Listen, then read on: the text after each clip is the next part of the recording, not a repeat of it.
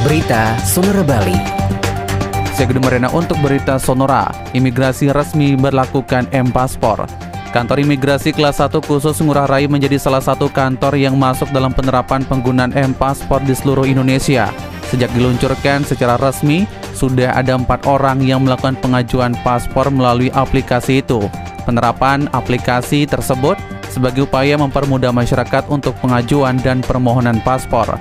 Kepala Seksi Informasi Kantor Imigrasi Kelas 1 Khusus Ngurah Rai, Iputu Suhendra mengatakan imigrasi Ngurah Rai masuk dalam 19 daftar kantor imigrasi yang melayani pengajuan paspor melalui M-Paspor. Melalui aplikasi yang digarap Dirjen Imigrasi itu, masyarakat ataupun pemohon bisa melakukan dengan mudah. Dikatakan bahwa untuk kuota yang dilayani oleh pihak imigrasi Ngurah Rai setiap harinya berada di kisaran 10 pemohon, sehingga kalau ada pengajuan di atas itu akan diarahkan ke kantor imigrasi.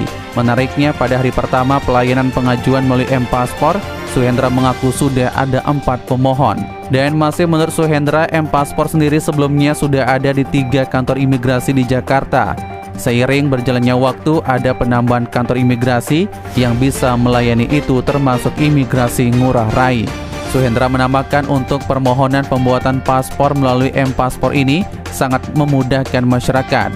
Cukup mengunduh aplikasi itu di Play Store dan melakukan registrasi.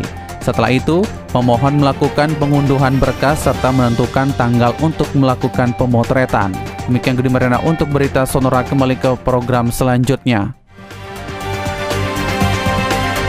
Demikian berita Sonora Bali. Follow sosial media kami, Twitter, Instagram, at Sonora Bali FM, Facebook fanpage Sonora Bali 98,9 FM, subscribe YouTube channel Sonora Bali Official, website sonorabali.com.